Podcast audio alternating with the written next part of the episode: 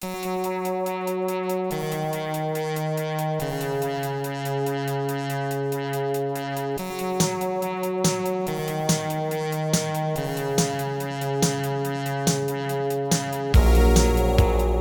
to First Draft with me, Sarah Enni. Today I'm talking to Adam Silvera, debut author of More Happy Than Not.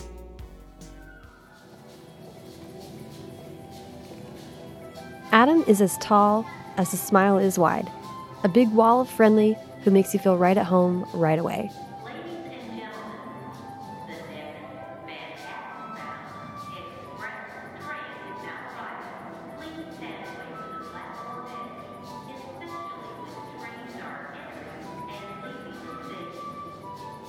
It's no wonder he's spent the last few years successfully hawking YA and children's books at Books of Wonder. The Manhattan Institution is a must hit for authors rolling through town, and there Adam has given himself a master class in writing by living, breathing, selling, and reading Teen Lit. I met up with Adam on a brisk November day, and he ushered me to the bookstore's underground staff room, its walls lined with advanced copies of books, so we could talk about his childhood just a few neighborhoods away and where he wants to go from there.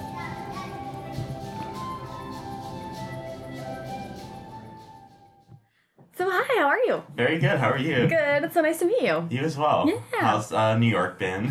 New York, so far so good. It's cold, It is cold. so cold. I want to die.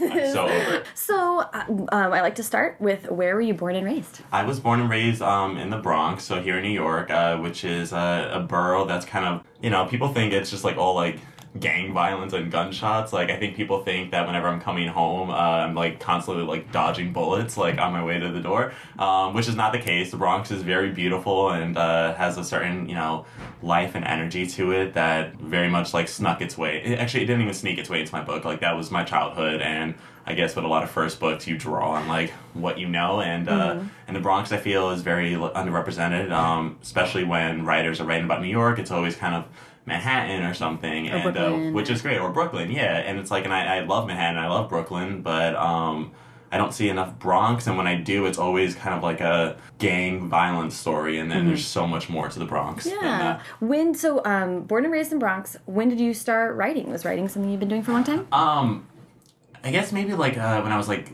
twelve or thirteen, I was kind of starting to like dabble in like fan fiction for the first time. I was writing Harry Potter fan fiction, of course. Um, I think I was waiting for like the um, maybe it was maybe after Order Phoenix. I was waiting for like Half Blood Prince and. Uh, um, I was writing this like book called Harry Potter and the Demise of Hogwarts, and like, and I felt so fancy because I just learned what demise meant that week. So I was like, I'm so fancy and smart and intelligent and pretty, and uh, um, but uh, but yeah, so it was just like I even did like the the cover art for it like on paint, and it was just like Hogwarts burning, and uh, no Harry Potter as is the tradition with Harry Potter covers, but uh, it was just like I think maybe like a couple cloaked figures, and by cloaked figures I mean like stick people on brooms, but Okay, I uh, would kill to see this artwork. and this was on maybe seven computers ago, so it is thankfully long gone. But um, but yeah, so I um I was writing that, and then I went on to like other fan fiction. I was doing like Charmed and Supernatural and more Harry Potter,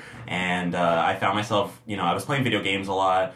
But you know, when you play online, you have to sometimes wait for a game to load. So in between matches, I was either reading Harry Potter or I was like writing fan fiction. And then I think it was like I was reading Goblet of Fire, um, and Voldemort just came back, and I was like, oh shit, guys, I have to, I have to bow out of the team. like, so you, they're like, what happened? I was like, you, you don't get it. Like this guy, like my he's like super bad and blah blah blah. But yeah, so then um, I was just, I found myself writing a little more obsessively. I, I feel like that was uh, kind of like a forked road in my life where it was like, am I gonna become the video game guy? I did once consider writing like uh, scripts for video games, or am I gonna like do books? And I like kind of returned uh, to books where I think I was always gonna end up anyway. Mm-hmm. But uh, but yeah, so then I, I, was doing the, that fan fiction for a while, and then when I was 19, I attempted my first uh, real story. Um, and by real story, I mean Harry Potter knockoff. The premise itself is still very fresh, but I was kind of pulling um, from directions that were in Harry Potter. So that's still shelved for now uh, until I can figure out a way to kind of make it my own thing. But it's definitely something I plan on returning to in the in the long run. I, you know, Maggie Stiefvater uh, years ago when you know Scorpio races won the Printz Honor. um, she was going around telling people about how like this was like the book that she always wanted to write and it took I think like ten years or something for her to like figure it out and let it click. And I, I think uh, this Zodiac book that I'm trying to figure out is this is gonna be that book for me. I probably won't write it until like 2020 or something. That's Um, great. I, I feel like everyone has sort of that that book, or a lot of a lot of people start with books that are so ambitious and just beyond the scope Yes, of your exactly. capabilities. Mine was an Outlander ripoff. Oh my god, and it's still in my head. I'm like, man, maybe I'll get back to that someday. So But you're right. It's exactly what it is. It's just their kind of like ambitious efforts, and uh, which are which are great, and it's something that I feel like you know you strive to because that responds well to readers. They're like, oh my god, this is a fully developed world and Yeah. uh, fully realized characters, but it's not a fully developed world yet, and the characters aren't fully realized. So I really can't do much with it, and I'd rather not produce something that's like one dimensional. Um, Yeah. And uh, so I'm just gonna. and I don't think Brooks would let that. Brooks would not. My God, I thought. Uh, so we're editing uh, my second book right now, and uh, it's.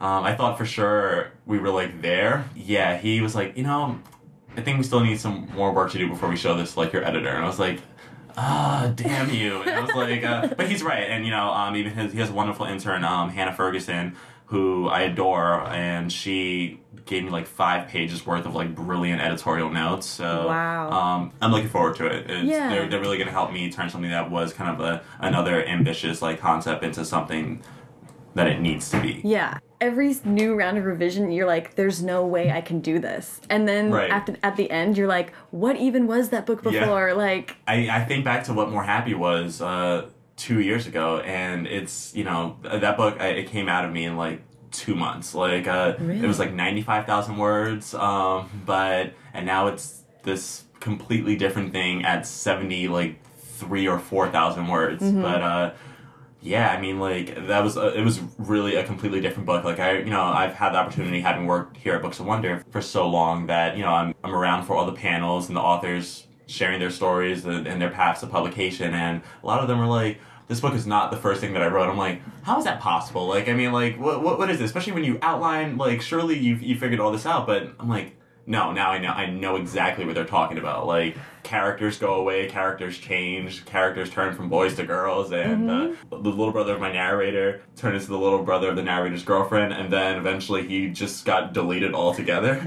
so, um, which is what helped me turn a ninety-five thousand page manuscript into seventy like two or whatever thousand words. Uh, Yeah. that character got deleted. Another character that was alive was now dead. Um, yeah, things Yeah. like that that people don't think about. It's just like, no, nothing's off the table. Like Right. anything to make it better. and and I that's something that um I struggle um I don't want to say I struggled with it it just it took a little bit longer to realize the first time around that it- with because this was the first book I ever wrote so um well first book I ever wrote and finished that was not a Harry Potter knockoff and, um but you know I think the the book was set in school at one point but that's just not interesting to me. I think there are some authors who do school right like Andrew Smith and Winger um but that this was just not what I was doing. It was very much like you know Aaron Soto, the, the the narrator, is just kind of like chilling in class and he's thinking about stuff, and I'm like, this is so boring. Like it's boring me, and but I felt like I had already you know established that he was in school, and then I remembered that no, nothing is off the table. I can go back and kick him out of school and make this a book about summer, and, and that's what I ultimately ended up doing. Nice, Um, nice. just like breaking your own rules, and you forget that you can do that. That nothing that just because you said something on page three does not mean it's set in stone. You can literally delete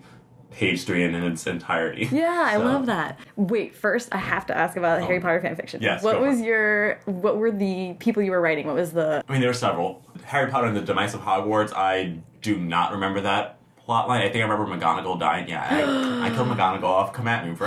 But uh, Rough. but the other one was I was writing about. Um, oh, this was Harry Potter alternate universe post Deathly Hollow. So it was if Voldemort won. No. Um, but for my fan fiction, you know, Harry he definitely died. And uh, so um, there was this like Ravenclaw. Um, it was just kind of like Hermione esque. You know, Hermione was very like distraught and you know wasn't on like her A game anymore because you know Harry died and like Yeah. everyone's kind of like screwed. So yeah, so this guy was kind of like stepping up and in this In in this- post like showdown where Voldemort actually won? yeah, and So like and you know like he wasn't you know like a great wizard. He was just book smart. Um, like he was exactly what I always thought Ravenclaws were, which is like you know not necessarily brave, um, not necessarily the first to like run and you know lead an, an attack, but uh, he was kind of like rallying everyone and giving them like confidence, and and I because that that was more interesting to me because I love the idea of like creating spells and uh, the the magical texts and like histories and such. Yeah. So those were always kind of like my favorite little uh, parts of like Harry Potter, like the Of the things that necessarily didn't matter, Yeah. but um, Yeah, were just like really cool. Yeah, well, like So- the Newt Scamander books then, or movies are going to be really cool. Uh, you know, I'm, I'm nervous.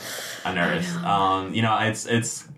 I remember, you know, I, I feel like this happens every six months. There's rumors of like another new Harry Potter book coming out, like about Harry, and I don't want it. Like I'm good. Like I'm Yeah. very satisfied with the seven books that we had, and uh, I don't need. I don't even need a spinoff. I don't need a prequel. I don't kind of want like anything. Um, so I'm just scared of you know the material like not matching the enthusiasm that I had as a kid. Like I, I haven't even like I I told myself if I if I sold a book.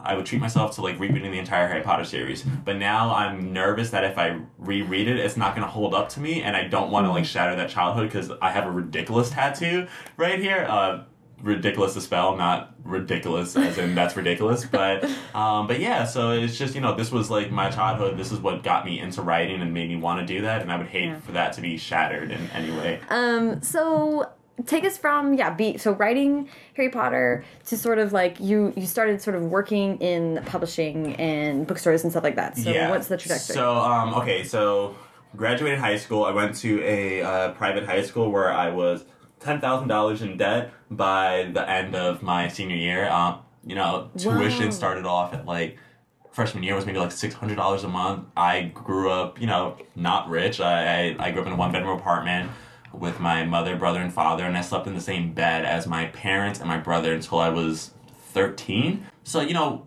we're already paying that rent. And we couldn't really afford the private school, but my mother wanted me to have that education, um, which you know I love her for and thank her for, and I'm so grateful. But you know, senior year was rough. Uh, I was missing school a lot because when you don't pay your tuition, they don't let you come to class. So there were times I missed like two weeks at a time, and uh, um, which was so rough because that was the year that I um, had a creative writing class for the first time. So I missed that, and you know I missed that activity, and and you know just like hanging with my friends, and like that was the only time I was ever really excited to do homework. Like I was a, I was not a great student. I was always coming home and and working on my fan fiction and my writing and not studying. I mean I was doing really well in the creative writing class. Everyone seemed to be really into like the stuff I was producing. Um, I was even graced with two of my friends uh, at the end of class, like, "Hey, can you autograph this for me?" And like that was kind of like a moment for me where I was like, "Oh my god, this is you know." I've mentioned this to some kids last week. It was a very like superficial reward, but it was still very encouraging. And um, so I went from there um, because I couldn't even apply to college uh, until we paid off high school. I just got a job at um, Barnes Noble. I started in the cafe, and they saw me reading all the time children's books. And they were like, "Would you want to like try a couple shifts in the children's department?" I was like, "Uh, yeah, totally." Worked in the children's department there for about two and a half years before relocating to Books of Wonder because I kind of wanted a higher education. Because uh, and I was reaching a point where I was like, I don't think I need to go to college anymore. I definitely know what it is I want to do with my life, and I seem to be making enough connections that maybe people will overlook the the no college part of my resume, which they were, and I'm very thankful for that as well. And well, actually, when I was still at Barnes Noble, I got a job, um, an internship, excuse me, at Figment.com, which is a creative writing platform for teenagers, and it was really exciting. Just kind of like moderating those forums and coming up with blog posts, and worked with a really great team there. And uh, I also got a job writing. Uh, children's and young adult book reviews for Shelf Awareness. Uh, I love that you're like you're writing still while while you're working all these jobs, right? Yes. You never stopped writing, really. no, Okay. I love that your like day jobs are about like really. I mean, you're giving yourself like an MFA. You're like working in a working in a bookstore is a great way to learn that part of the publishing industry, which not every author even gets the chance to really see how that Mm-hmm. sure. works. And then like writing reviews of books. That's nothing Yeah. but teaching yourself how people write books. That's incredible. Exactly. Thank you. Yeah, uh, that's exactly what I was telling the kids at the school visit, where I was like, they were like, "What college did you go to?" I didn't go to college, but here's what I did. I got myself my own education. I went into bookstores, got a job there. I worked at Paper Lantern Lit, where I worked for Lauren Oliver and Lexa Hillier, who are both geniuses. Obviously, they were my education on like plot and how to raise the stakes and how to keep the tension exciting and and just like so many other factors and just really I don't know, uh, knowledge on how to like employ like a really solid three act structure. And then, you know, with reviews, I learned how to look at things a little more critically. Like I even um, this is a technique I sometimes use with my own when I'm editing myself. I will write a review of my book. So like more happy than not, uh, I'll write a review of like each draft, and uh, I talk about what I love about it. I, it's okay to get carried away and be a little egotistical, um, but I also address what the weaknesses are. So it's essentially my an editorial letter to myself, um, but it's also when you're writing like these reviews, you need to make sure that everything's accurate. So you're constantly thinking about what led from like point A to point B. So I feel like by reviewing that, you're really doing a good job like tracing like your character's growth. Um, so that's that's helped me a lot. Where I'm like, oh, so Aaron does this because, and I'm like, I actually don't know why he does that. I need to like circle back and figure that out. So that I mean, That's huge. I've I've used so many different things. Uh, th- essentially, that was my college education. Just like the bookstores, Paper Lantern Lit, and shelf awareness, and Yeah. every other bookish thing that I've just obsessed over in the past like four or five years. That's so great. I love that.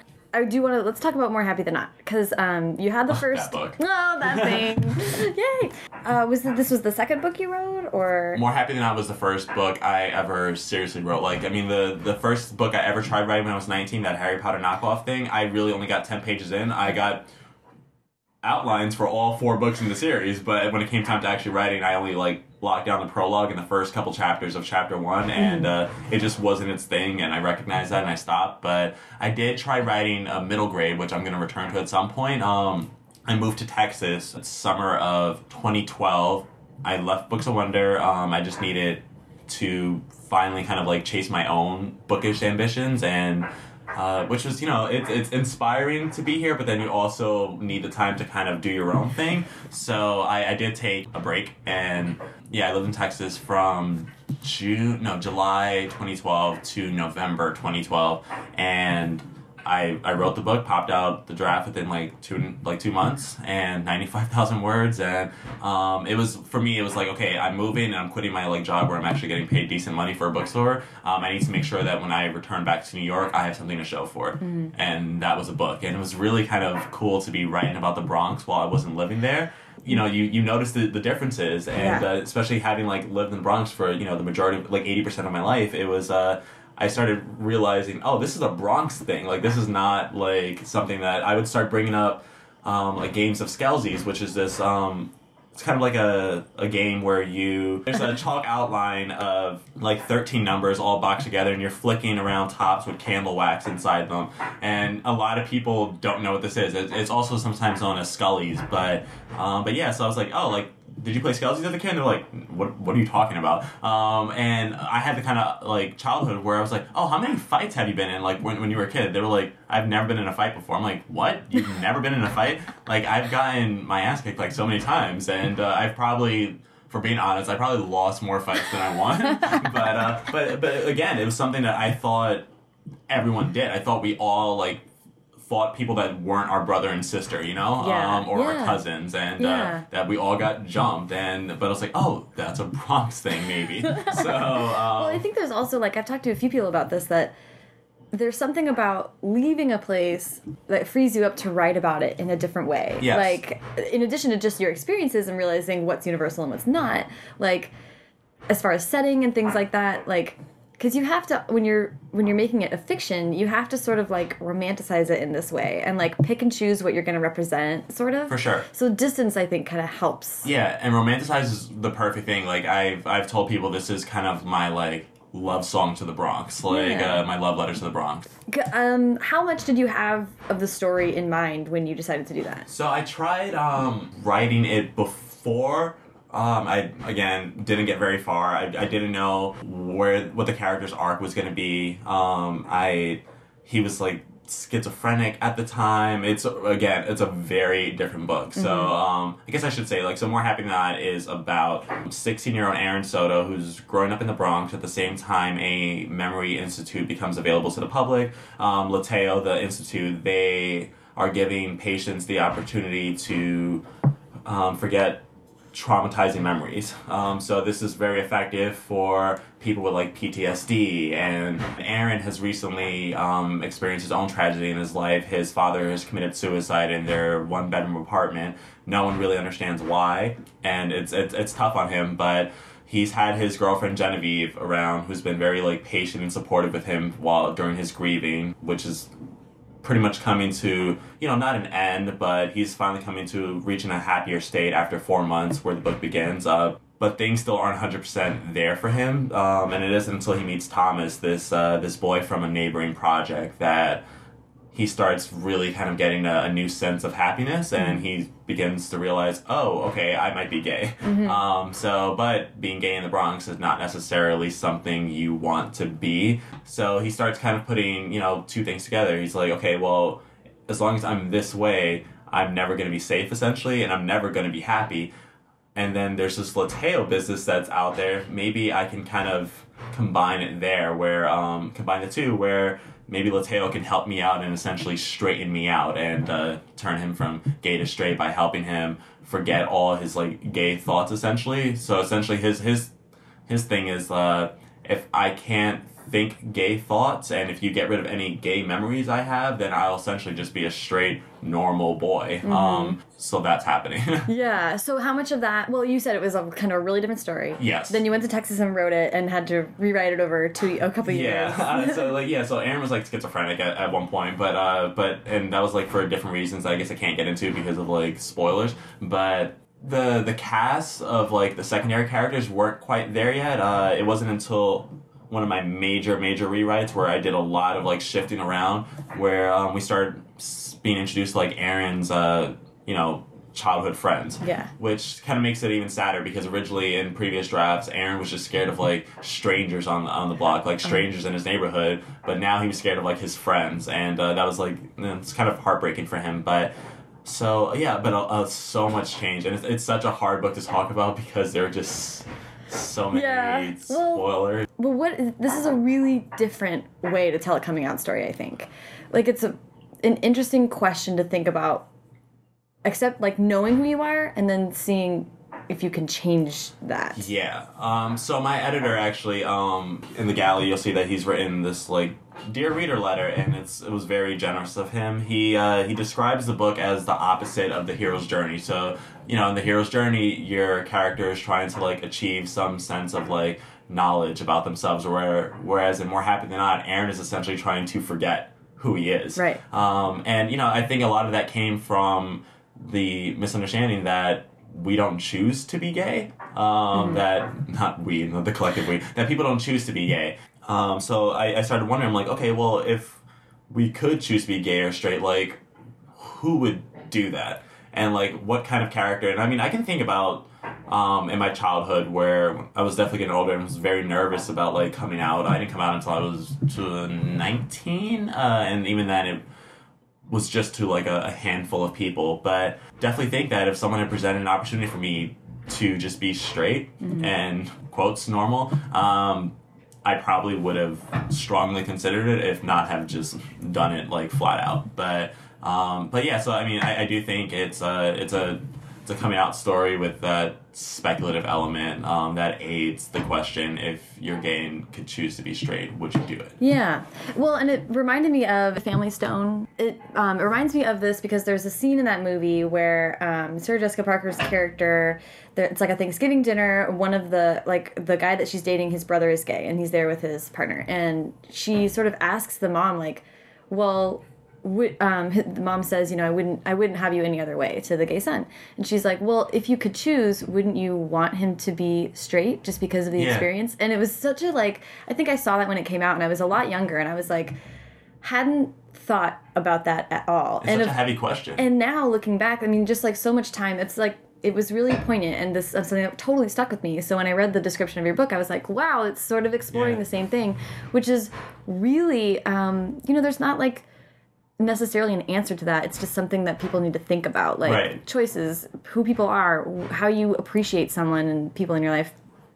There, there's not a question coming here. I just feel like No, it's really no, interesting. Sure. I, I mean, I don't know who I would be if I weren't gay. I mean, I, I think about it. It almost scares me. I've thought about this several times where I'm like, if I weren't gay, I wouldn't have so many people in my life who I love. You know, mm-hmm. like like people I've been in love with, or people I've dated, or people I've just was like damn, he's hot. Like, Yeah. uh, um, and even you know, just my my friends like who have just like supported me and everything. Um, and I, I wonder what crowd I would have gotten mixed in with if I weren't scared of my friends or something. So Right. you would be a very different person if not like Yeah. your complete opposite. Um, so. It, it, it's weird. Identities are weird. Yes, they are. Um, which is why we write mini books about them. exactly. Yeah, for, for sure. I, I feel like I'm always um, exploring some different part of me. Okay, and you mentioned that idea of maybe being a little scared of your friends, and that that's something that Aaron deals with in the book. Is that that's something you can relate to? Obviously, For sure. Uh, a lot of it, um, you know, when I signed with my agent, Brooks Sherman, he was very sensitive to like the edits at first because you know he he thought a lot of it was very like autobiographical and you know he didn't want to say like okay well i guess this happened in real life but it's not interesting on the page Right. and uh, which is it's so true um actually in the first draft ever um a lot of it was very it was therapeutic for me because i was getting a lot of things off my chest but i was like this is not interesting fiction like i'm glad that you wrote a diary adam but like and then i was like okay i actually need to think about who Aaron Soto is. This is Aaron Soto is not Adam Silvera, despite us sharing you know, the same Initials. initials. but uh, there are definitely a lot of things that are kind of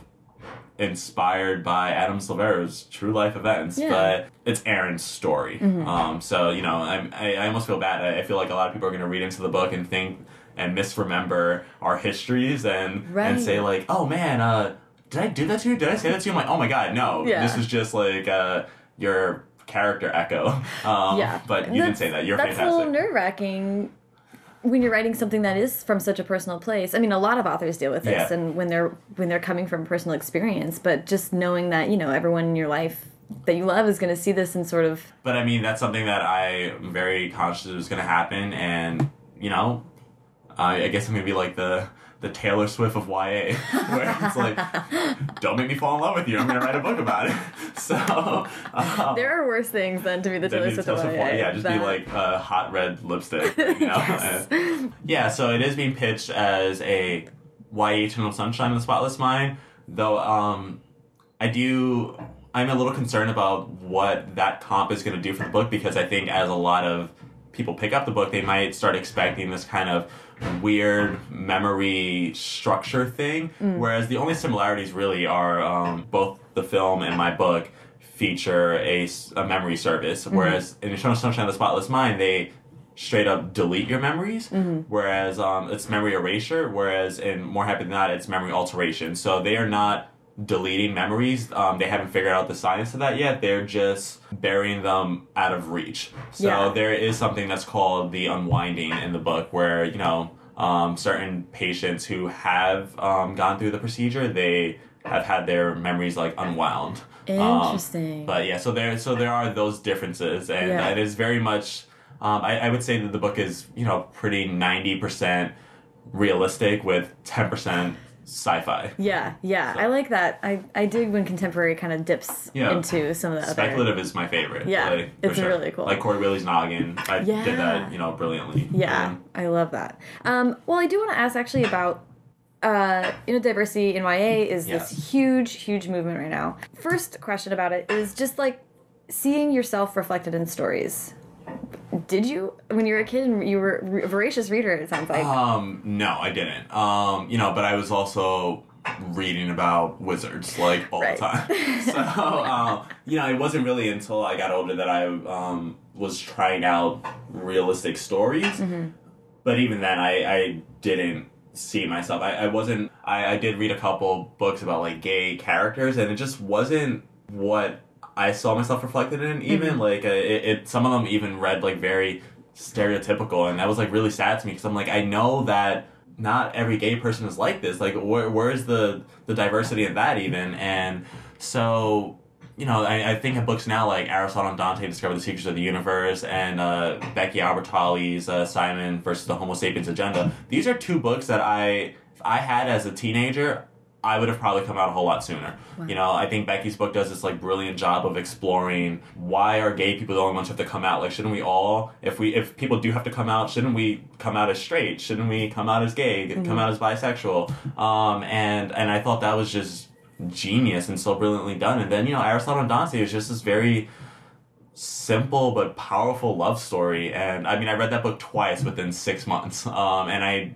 don't often find time to reread books, but these characters just stuck with me in, in ways that Eleanor and Park have stuck with so many other legions of readers. And, Yeah. Um, yeah, that book is incredible. Um, so what was was it really important to you that that be a part of your story? You know, I, I think because the the genesis of the book was the question of if you if you were gay and you Yeah. could choose to be straight, would you do it? Um, that was naturally going to come together. But you know, I also you know I'm Puerto Rican, but I don't have this like cliche Puerto Rican upbringing. I think a lot of people, you know, you look at me, a lot of people think I'm white or Italian, and a lot of people think when I tell them I'm Puerto Rican, they, just, they immediately switch to, oh, so you grew up with rice and beans and like shaking maracas and like and speaking Spanish. I'm like, look, here's the thing. I'm Puerto Rican. I don't speak Spanish. Doesn't make me not Puerto Rican. Right. So um Right. and and that was just my upbringing and and you know I touch on that in the book. Like you know the main character is he's Latino, but he doesn't speak Spanish. His mom speaks Spanish, as my mom does, but you know, it just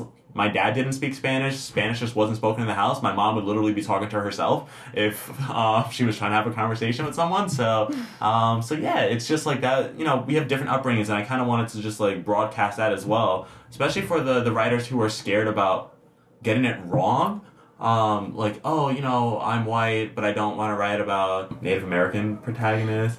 Yeah, so they just like they don't do it, Yeah. and and it's just like you know, um, I'm actually playing around with a new book right now where I'm researching um, autistic savants and I'm researching different fields of like schizophrenia. Um, and it's, you know, I think because of the, the volume of the We Need Diverse Books conversation, you know, I'm like, okay, what can I do? It's not necessarily about like trying to force diversity into these books as it is just challenging me to branch out. Yeah. Um, because I could, I was thinking right now, it's like this book that I'm, I'm, I'm starting now, it'd be so easy for me to write it just like as a straightforward, straight white kid book. Um, but I was like, I can also just like, you know, make my writing muscle stronger and do a little research to make sure that the characters feel authentic. Um, because, you know, I'm not going to keep writing books about Puerto Rican gay teens in the Bronx, you know, like Right. feel like that people are gonna get tired of that. So, um, so I mean, I, I was able to skip a lot of the research from the first book because I was just drawing my own experiences. But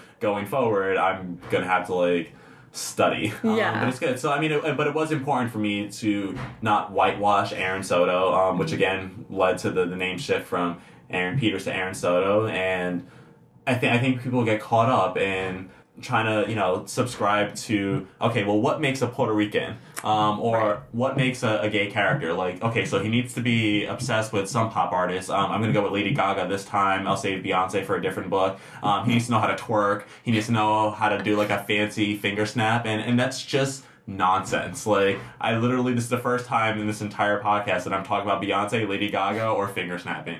So uh, but yeah and it's just like that's not every gay person and it's just it's you know it's it's silly Yeah. Well, I'm also curious about just um, as far as the diversity movement, like generally, from your perspective as actually like working in the industry, how have you seen it change over your time working, or like, I guess just have you noticed a shift, or how? Do, what's your perspective on it? Um, I definitely again um, the the volume on it is is very high and it's and it's amazing. It's very encouraging. I remember selling this book and thinking, oh great, who's gonna read the book about the the gay Puerto Rican uh, and the gay Puerto Rican in the Bronx? So, um, but but now I, I'm feeling a little more hopeful. I'm like, wow, I might actually find readers now, and we may all find readers, you know, because we're all banding together, and it's amazing. And we're it's not just you know the the diverse writers. But all writers are essentially encouraging this, and and that's really heartening to see. Um, I think in terms of like shifts in publishing, uh, I definitely see more editors being a little more vocal online about I am interested in this. Um, but the the thing is, they're not always at fault. You know, they do say they want these things, but the story does have to come first. Like it isn't. They're now not like having a little editor wish list of okay, I need to put up a face and acquire a book with a black protagonist. Um, the book with the black protagonist needs to be amazing. Still, you can't just like say like oh oh my god you're racist You- Right, right, um, right. and, and that's not what it is and i think you know as a reviewer i'm definitely it's funny i was thinking about it today i i think in 2015 especially i am making a shift to trying to review more um, diverse titles Mm-hmm.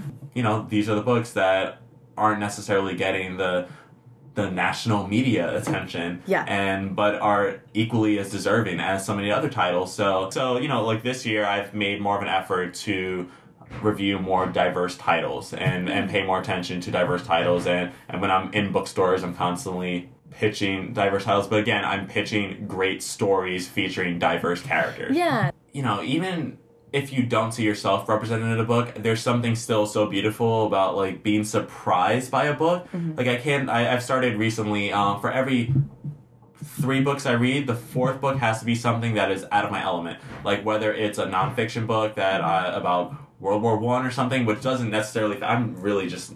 It's terrible. I'm not nearly as fascinated by history as I think I should be. but uh, but but again, it's because I just don't think I've been exposed to like a lot of um, interesting narratives about history. So I'm just like kind of branching out, like history book here. Maybe I'll try like a, a medieval book there. And you know, if I'm not liking after 200 pages, then I can put it down. But I can say I made the effort to like discover something, and I think that's what this big diverse movement is allowing us to do. It's allowing us to discover different existences Yeah. and.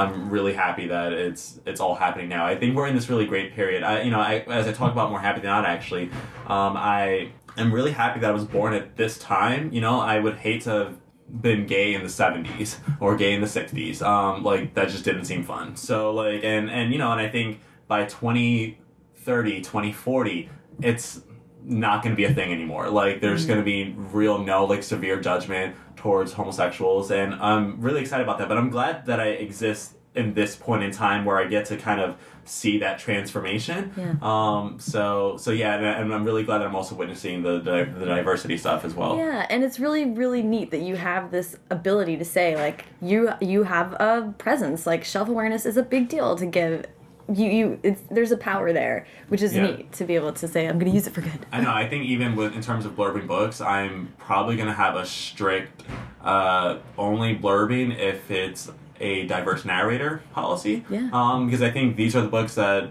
need the attention, and I'm happy to. These are the books I'm gonna be happy to push. Like this is my my bookseller spirit, where these are the books that I love, and I think you should be reading. So. Yeah. Um, that's a, a rule I, I hope to employ if people dare to ask me for a blurb or care or whatever. so That's awesome. I read an interview with you where you said, uh, "My first lines come to me as easily as my titles."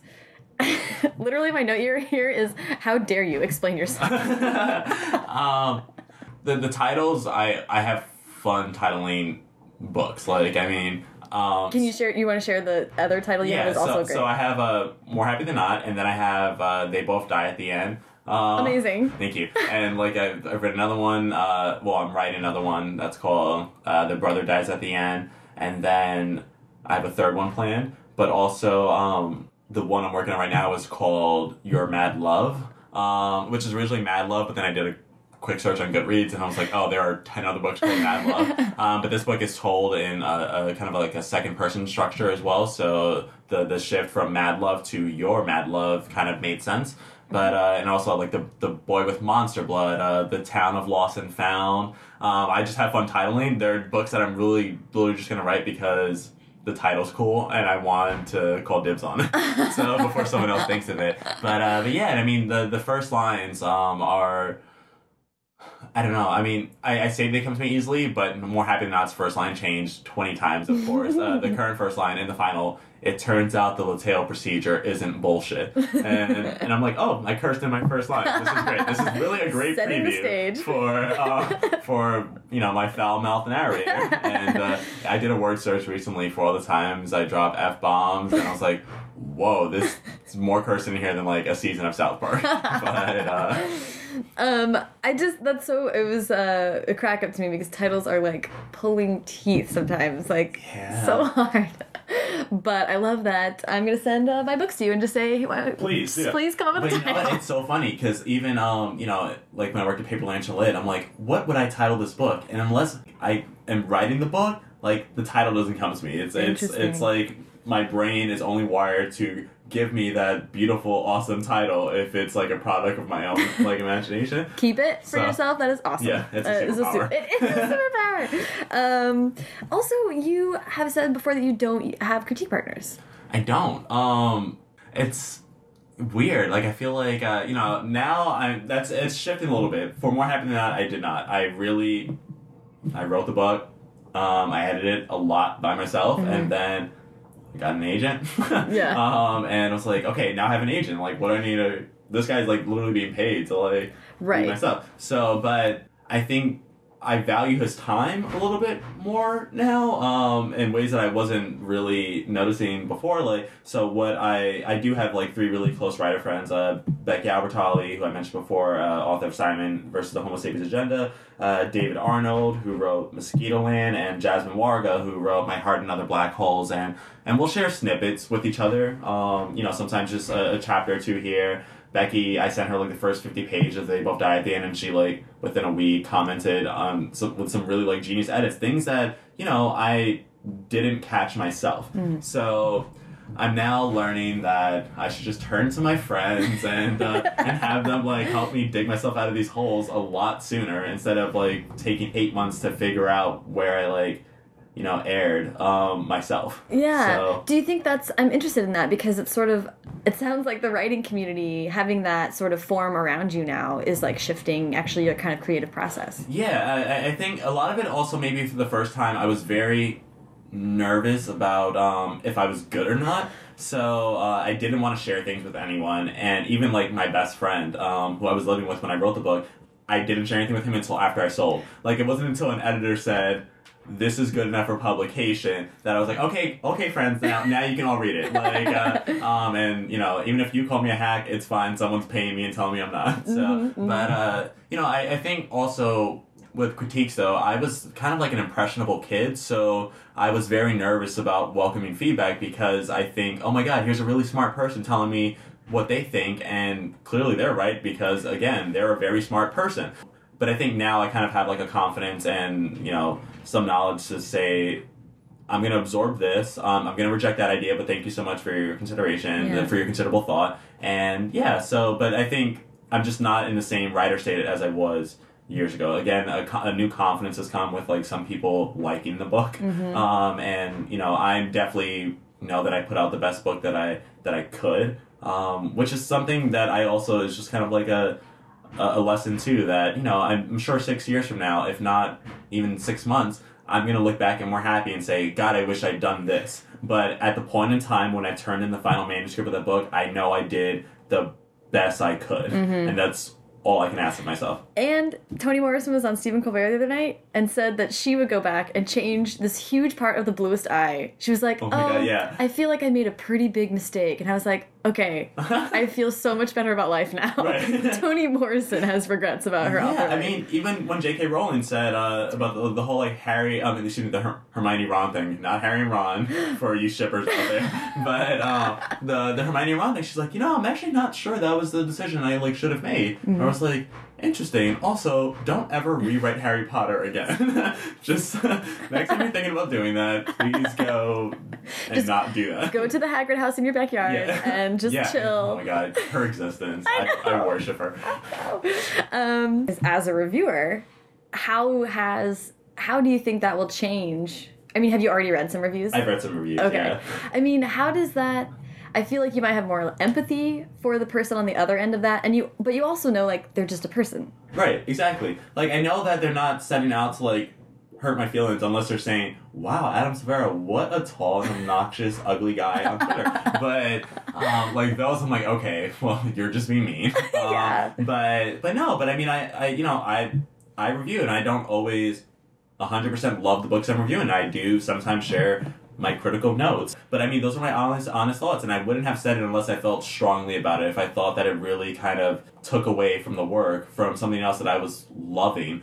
But but yeah, so I mean, I just I see them as opportunities to to learn and to grow. I don't think I would hate to live in a world where I'm just reading praise about myself. My my ego is big enough. Like um, I don't I don't need to be like just going to Goodreads and seeing golden reviews all day. Um, and it's like, oh, Kirkus, more stars. More stars. Uh, yeah, like constellations of reviews. No, like I, I don't need that in my life. I actually, um, you know, again, back to the whole no college thing. I'm always looking for more opportunities to grow um, as, Yeah. as a writer, especially. So I, you know, Lauren Oliver, she told me something really great one night when I was just, it was like a few months ago, I was really struggling with trying to figure out what I wanted my career to be, and and and still kind of nervous even with the the diversity movement um, about some of the books that I want to write and want to publish, but I'm scared like are they gonna find an audience? And she was like, look, I hope More Happy Than Not is the worst book you'll ever write, and I was like, oh my god, that's actually genius. She's like, the point is you should always be improving, you should always be growing as a writer, and and if your subsequent books are the worst books you're ever writing,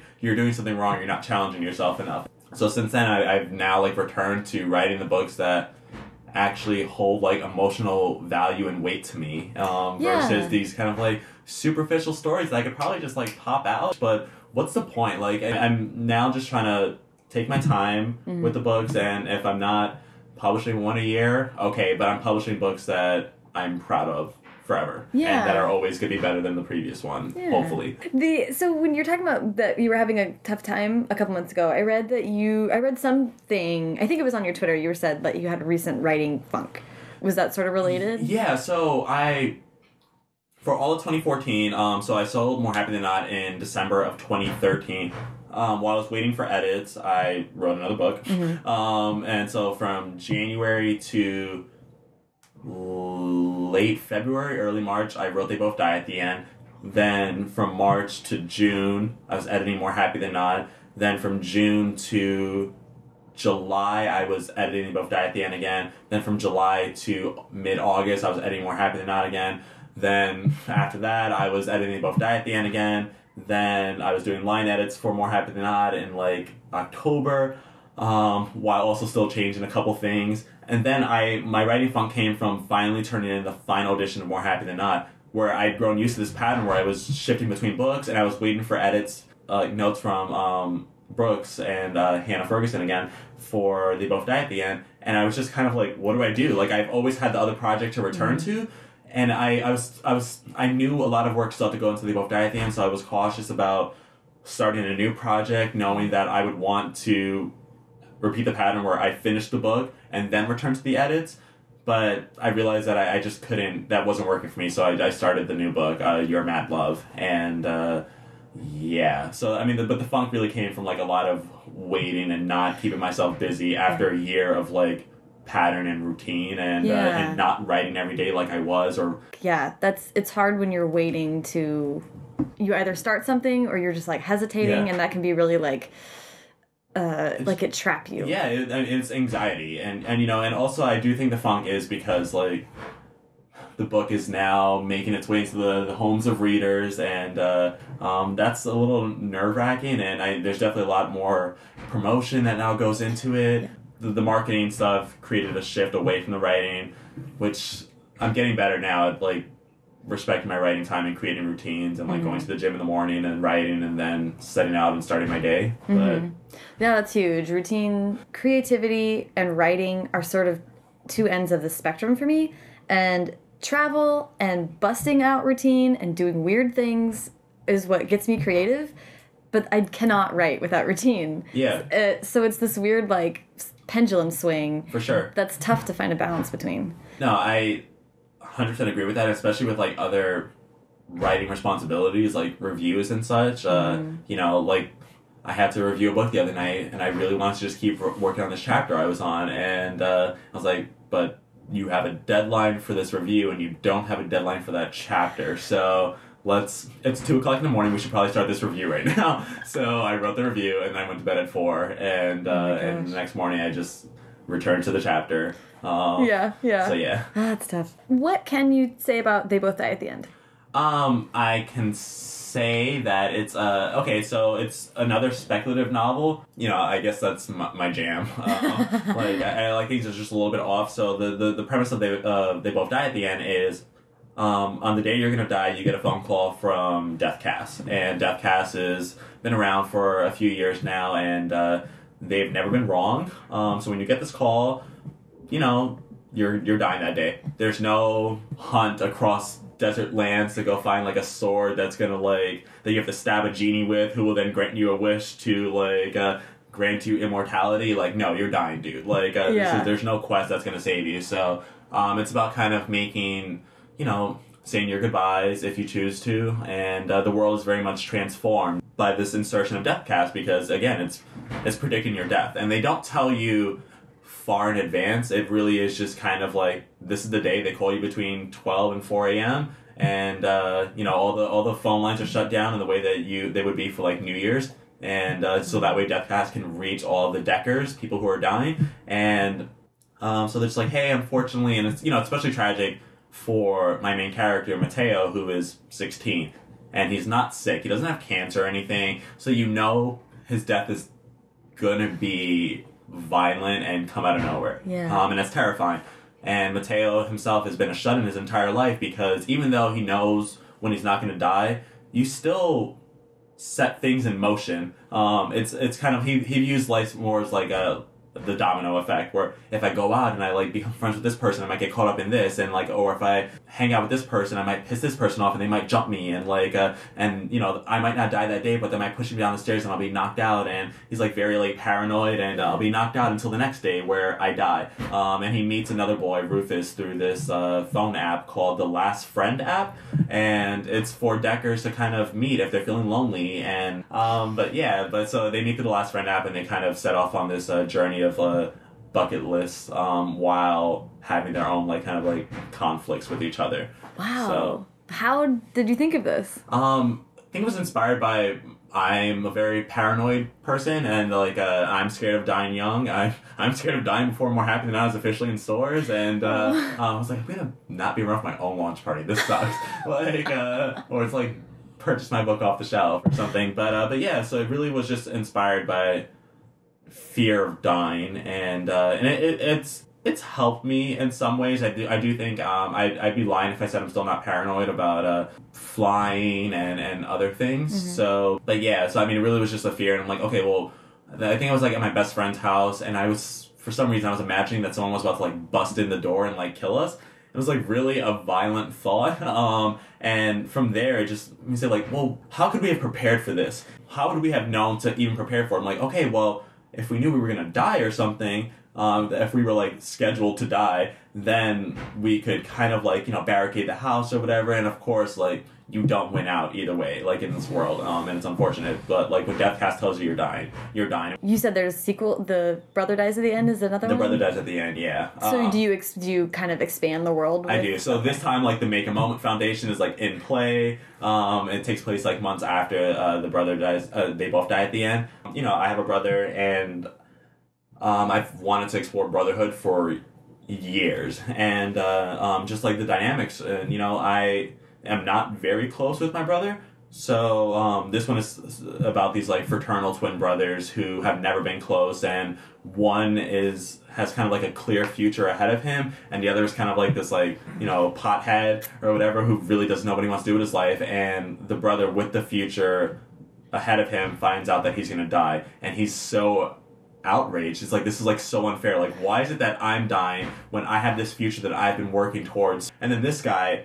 What is he doing? He's like smoking pot right now, and Yeah. uh, um, so there's that dynamic, and there's some like girlfriend issues that are happening there. It's the first time I'm writing straight characters. It's uh, um, it, it's it's weird.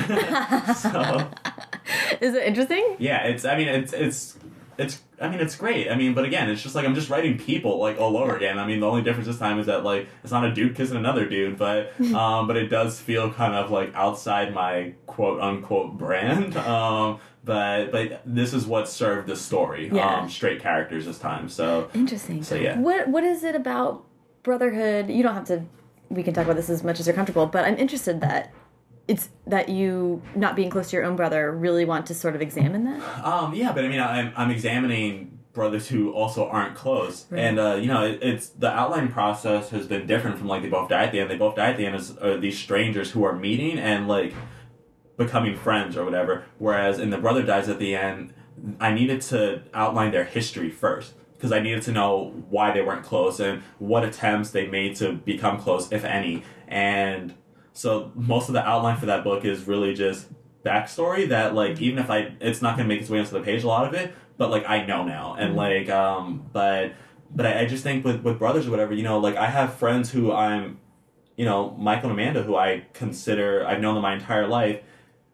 They're my siblings, mm-hmm. like you know, and we're not blood related, but like mm-hmm. we're brother and sister, and and, and it's you know, with I have friends who I consider my brothers or whatever, and you know, I, I think my brother and I, we just, you know, we we're there for each other when we have to be, and I think you know that's something that is explored in the brother dies at the end, where you know. um your brother's dying and it's like you have to be there for him now like you're you don't have a tomorrow Yeah. so so yeah i just think you know my just my brother and i we just you know we, we fought a lot Mm-hmm. um and you know I, I moved out when i was 19 because we were literally just beating the crap out of each other every month. So and i wasn't winning as many fights as i would like to have been. So that was frustrating. I was like well i'm getting out of here. Like wh- why, why am i signing myself for, for like a monthly ass beating? But like uh um so yeah but um, but then, you know, there was a moment um, a couple years ago where he desperately needed me. Like, my mother was out of the country visiting her fiance in Argentina, and my mom calls me, like, distressed, and she's like, Andrew needs you, something's happened. And I was like, of course. Like, I didn't have to think about it. Like, I was like, I'm putting on my pants right now. I'm putting on my pants right now. Like, I'm going, I'm heading now. And I, like, and I was there for him. And, and, you know, we had this moment where he was like, look, I know this doesn't change anything, but, like, thank you. Like, thank you for, like, being here today. I'm like, of course. And, you know, we'll text each other on on birthdays and such, and we'll see each other at Thanksgiving or whatever. But Yeah. you know, we're we're not gonna hang out, and there's something sad about that because um, it's my understanding that we were very close when we were kids. You know, like inseparable, and you know, if he went somewhere. I I was with him, and uh, there are photos of like me in his lap. He's two years older than me, um, and like him like hugging me like in my like bath towel or whatever. And you know, my aunts would act like they were taking me out of the house, and he would run to the door and say, "Leave baby alone, leave baby alone." So it's like I, but I don't remember that, of course. Like, and the only memories I, I, I carry with me are the ones of us like beating the crap out of each other. So Right. Um, but you know, so I'm interested in seeing like why we diverged. Yeah. Um, interesting to think about like chosen family and like I have a similar situation. Two best friends since from high school. Yeah. They're my sisters and they're th- you just met one of them. Oh, yeah. Um, so like Adored her. Yeah, she's the she's the best.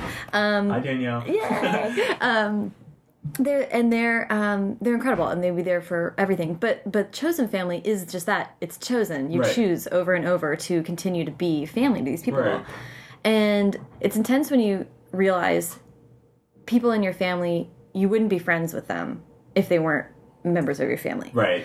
It's a weird thing. And it's a weird adult moment. You're like, It's perfect This- way to play a weird adult moment. yeah, it is. and and it doesn't and it doesn't change anything like you're saying and there's there's not a doubt about being family and like needing to be there for each other but it is like okay i have to go outside to find some of these things that i need yeah. and it's i think the kind of thing i'm also like super interested in exploring that kind of stuff um and and really interested in how other people explore it so anyway that's my No, I know. I mean, my mom, like when my brother and I were fighting, she was very much like, Adam, like say hi to your brother, and I would like leave the house without saying anything. And uh, but she's like, and you know, she would try to get me to talk to him. She's like, Adam, he's your brother. And I'm just kind of like, what does that even mean? Like, I mean, like again, I didn't choose for him to be my brother, and you're right. Like, I, it's sad, but we probably wouldn't have chosen to be friends if um we had that choice. Well, this is a really interesting. Your your first book is about choosing whether or not your own identity. Yeah. And then this is like, do you choose The people your in life. family? Yeah,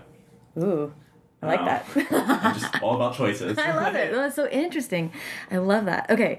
Um, so okay, we've been kind of wrapping up with uh, writing advice. my advice for new writers uh, allowing yourself to fail you know i think about the first drafts of more happy or whatever where you know in retrospect like they were failures in the most positive sense of the word i messed up because i you know i just you know i've i've tried out different techniques pretty much for like every book um, so like more happy than not, I would outline a few chapters at a time, um, which is why it was like a ninety-five thousand um, word book because I didn't really know how to reach the ending sooner. And then with They Both Die at the end, I outlined everything from you know start to finish, except you know originally it was like one perspective, and then I included Rufus, who's the um, the other boy who dies at the end, um, which is not a spoiler, guys. Like I mean, these characters die.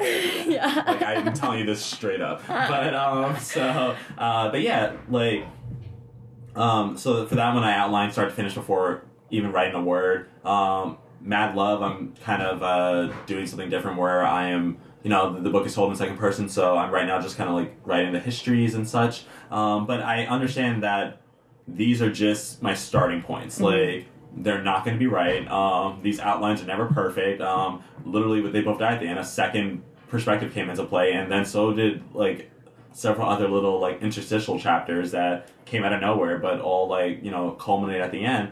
My advice for everyone also has been listen to other people's techniques, but decide if whether or not it works for you. Like there are some people who can write every day and will force themselves to write every day, and then there are friends I have that like won't write for like days or weeks or whatever. But then the moment they're back at their keyboard, they write like seven chapters, and it's like I'm like, whoa, dude! Like I and, and it's not even just like seven sloppy chapters. It's like seven very almost like is this a final like uh, like Yeah. you know manuscript? Thank you so much, dude. This is so interesting. Oh my god, thank you. This is fun. Um, let's go look at the bookstore. Okay, yeah.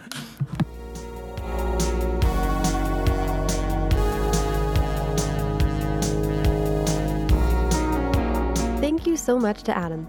Follow him on Twitter at Adam Silvera and follow the show at First Draft Pod and me at Sarah Enni.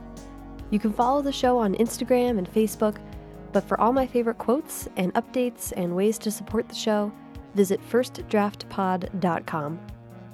Speaking of supporting the show, if you like what you're hearing, please consider going to iTunes and leaving a rating or review there. It'll help others find the podcast and it appeases our algorithm overlords. Thanks to Hash Brown for the theme song and Colin Keith for the logo. And as always, thanks so much to you for listening.